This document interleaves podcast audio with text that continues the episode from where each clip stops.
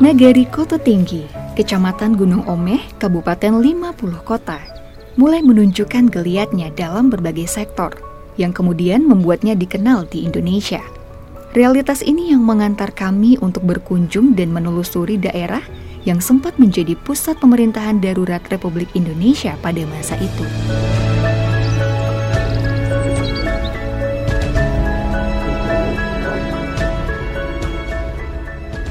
Jaraknya sekitar 43 km dari kota Payakumbuh.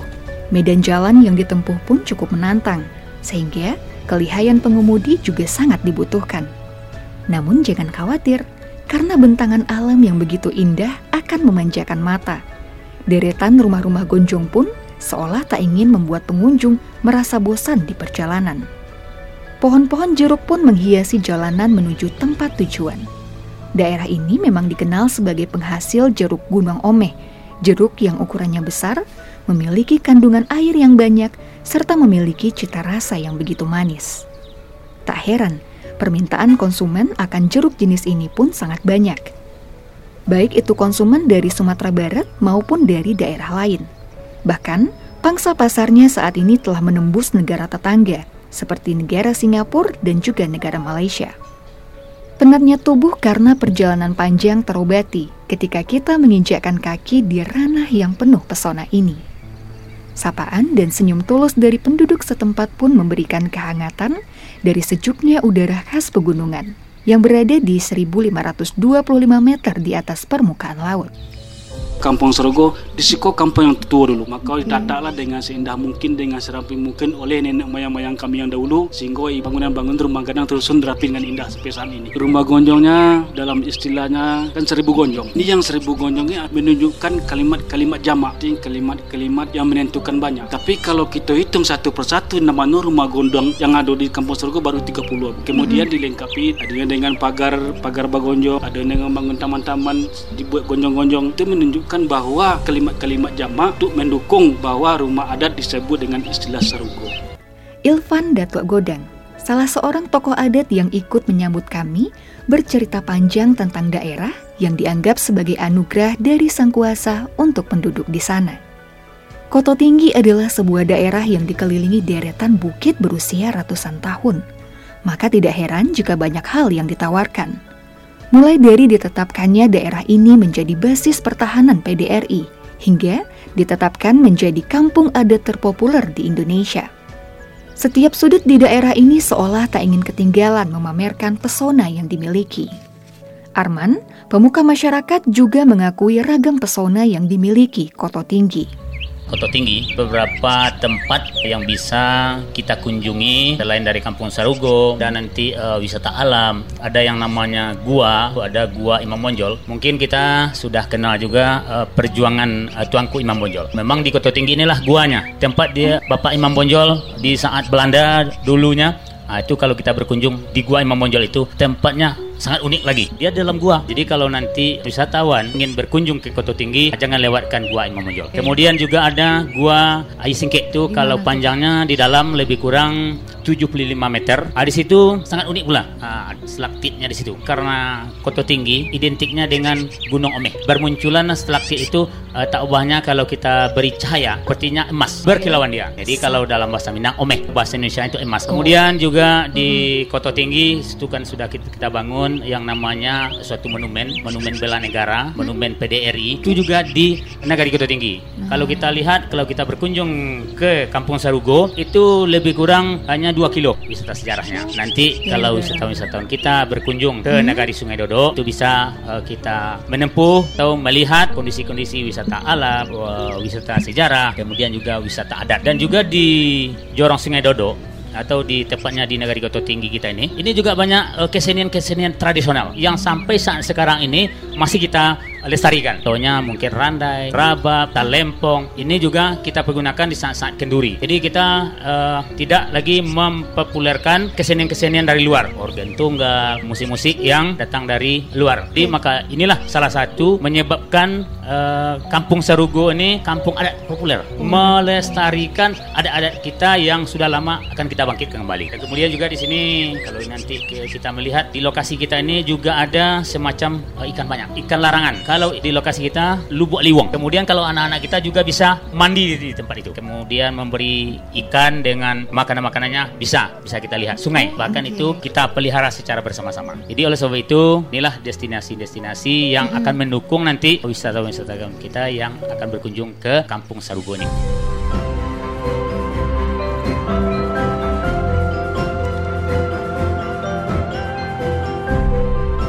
Kekayaan alam bukan satu-satunya hal yang disajikan untuk para pengunjung.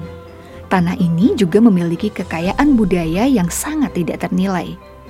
Deretan rumah-rumah goncong yang disaksikan sepanjang perjalanan tadi hanyalah pintu gerbang untuk menyambut siapa pun yang ingin menyaksikan pesona Kampung Sarugo atau Kampung Seribu Gonjong. Ya, nama ini memang pantas disematkan ke salah satu desa yang ada di Koto Tinggi. Di sini, kita bisa merasakan kentalnya adat dan budaya yang telah lahir ratusan tahun lalu. Rumah-rumah adat bergonjong lima tersusun begitu apik di sini.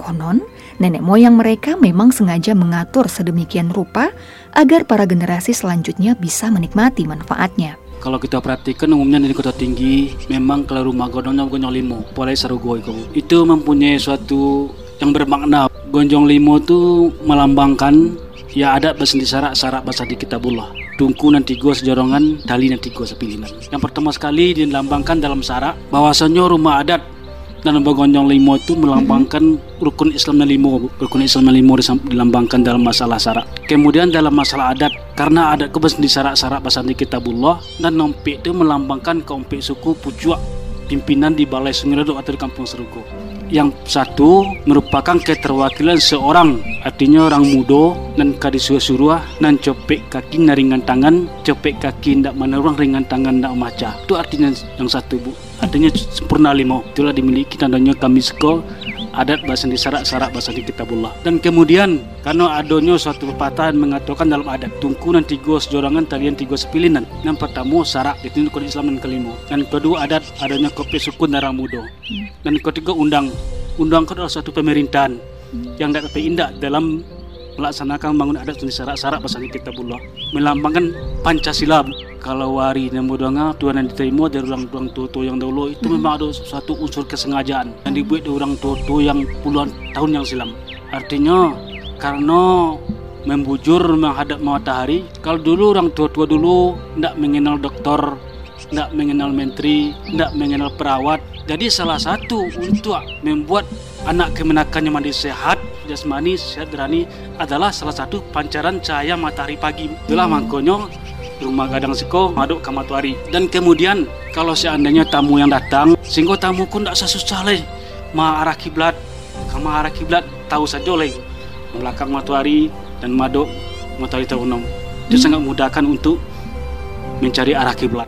Tidak hanya dalam bentuk rumah adat namun kekayaan budaya seperti tradisi kesenian, dan kearifan lokal juga masih dilestarikan oleh seluruh masyarakat Nagari Koto Tinggi.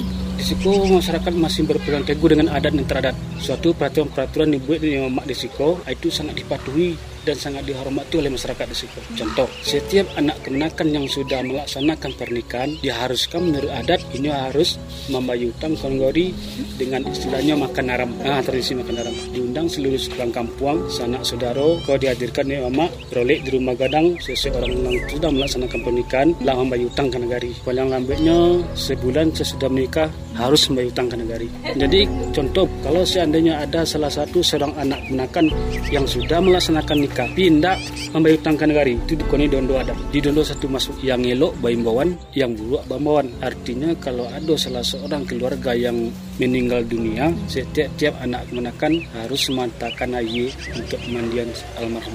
Beninjang ayi itu ke rumah almarhum walaupun banyak lah ayi yang ada di rumah almarhum. Tapi memang kewajiban seorang masyarakat penduduk di siko menjang ayi je timbok itulah tradisi di siko dari dulu sampai kini masih topik ini masih dipegang teguh oleh masyarakat. Itu terisi dalam mencari kematian. Nah, kemudian setelah mayat cakui tanam nanti gua malam itu datang ke rumah membaca doa tahlil dan ayat-ayat Al-Quran. Artinya baca bacaan taibah yang harus dibaca selama tiga malam. Kemudian lah selesai tiga malam tentu ahli bait jeko yang keluarga yang tapi mesti baca kok bermusyawarah. Apabila kita melaksanakan doa. Selain keindahan alam dan kekayaan budayanya Koto Tinggi juga menyimpan sejarah yang tidak terpisahkan dari perjalanan bangsa Indonesia. Tak banyak yang tahu, Nagari ini adalah ibu kota Republik Indonesia pada masa pemerintahan darurat Republik Indonesia di tahun 1948. Tidak ada sisa-sisa benteng PDRI yang bisa dijumpai saat ini, karena memang tokoh-tokoh bangsa kala itu selalu bergerak sebagai strategi perjuangan. Di mana pun mereka berada, di situlah mereka akan menetap. Dari sinilah siaran radio mengudara, menginformasikan bahwa Indonesia masih ada. Koto Tinggi menjadi saksi betapa gigih perjuangan para tokoh bangsa agar dunia tahu bahwa Indonesia ada. Dan di saat yang sama, ia juga menjadi saksi betapa tragis pembantaian para pahlawan bangsa oleh Belanda. Di sinilah, di Kota Tinggilah, adalah tempat sender atau pemancar RRI. Kalaulah sender atau pemancar itu tidak ada, mungkin sampai sekarang mungkin kita masih dalam penjajahan orang mengatakan bahwa Indonesia ini tidak ada lagi. Tetapi berkat adanya RRI yang berada di Kota Tinggi, disiarkanlah bahwa pemerintahan RI masih utuh. Siaran itu sampai ke luar negeri di Dubai. Bukan tanpa alasan, Koto Tinggi dipilih sebagai pusat PDRI kala itu karena struktur geografis yang strategis yang diyakini mempengaruhi keputusan pemimpin kala itu dalam mengambil kebijakan mengenai ibu kota negara. Markas kantor PDRI namanya. Di situ berkumpulnya kabinet. Presidennya di situ. Dan tempat tinggal mereka adalah di rumah-rumah penduduk. Termasuk di Jorong Sungai Dodo ini merupakan tempat persembunyian bagi mereka dulu. Kota Tinggi ini menjadi tempat sejarah karena dia mempunyai tiga arah mata angin. Bisa lari ke Sumatera Utara, bisa lari ke Riau, bisa lari ke Pesaman Nah, orang dulu sudah menciptakan seperti itu dan bertanda ini adalah suatu spot yang bagus. Di balik pesona alam dan kekayaan budayanya, ada keterbatasan yang dirasakan oleh penduduk negari Koto Tinggi. Layaknya daerah-daerah di pedesaan, jaringan komunikasi di Koto Tinggi masih membutuhkan perhatian dari pemerintah dan pihak terkait. Masyarakat mengalami kesulitan untuk menjalin komunikasi dengan orang luar dan bahkan untuk mengakses internet.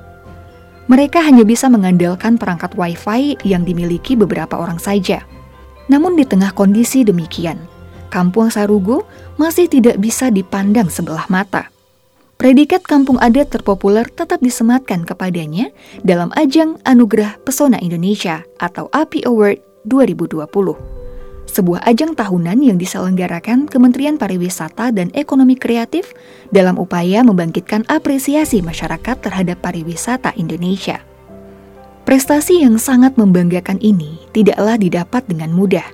Ada perjuangan panjang, tetesan-tetesan keringat yang harus dilewati oleh seluruh pihak yang terlibat dalam memperkenalkan daerah yang mereka cintai ini kepada dunia. Kota Tinggi, terutama di Jorong Sungai Dado, itu memang seluruh lapisan masyarakat memang mendukung itu. Mulai dari uh, peresmian itu kalau tidak salah di Agus uh, 2019 sampai sekarang kalau kita lihat umurnya itu belum sampai 2 tahun. Tapi insya Allah berkat kerjasama, eh, berkat adanya persatuan dan kesatuan dari berbagai unsur, apakah itu unsur dari nenek mama, alim ulama, pemuda dan pemudi, sehingga terangkatlah kampung Sarugo atau rumah Seribu Gonjong menjadi salah satu destinasi bahkan sudah kita mencapai uh, tingkat nasional yaitu uh, peringkat dua tingkat nasional berkat adanya kerjasama dari berbagai lini uh, dari masyarakat kemudian dibantu oleh pemerintah sehingga inilah adanya uh, Kampung Sarugo di uh, Jorong Sungai Dodok di Nagari Ketua Tinggi. Wisata ini adalah pintu gerbang untuk kita membangun. Jadi masyarakat kearifan lokal di sini memang sangat luar biasa. Yang pertama kebersihan, ke kekeluargaan, keindahan namanya, persaudaraannya, kekompakan. Keunikannya di Sumatera Barat itu pada identiknya dengan rumah gadang. Namun kalau di Jorong Sungai Dodok atau di Nagari Ketua Tinggi itu rumah adat atau rumah gonjong ini memang dilestarikan sampai saat sekarang ini. Walaupun uh, mungkin ada yang rusak, tetap dipugar kembali.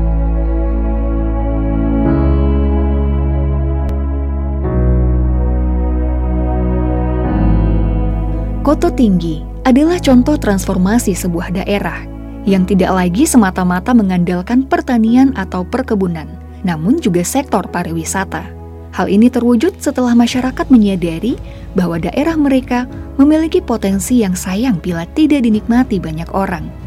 Jika dulu dari tanah ini dunia tahu bahwa Indonesia masih ada, dan kini dari tanah yang sama dunia berhak tahu bahwa Indonesia juga memiliki mutiara yang tidak ternilai harganya. Saya Andini Miza Putri untuk Radio Republik Indonesia.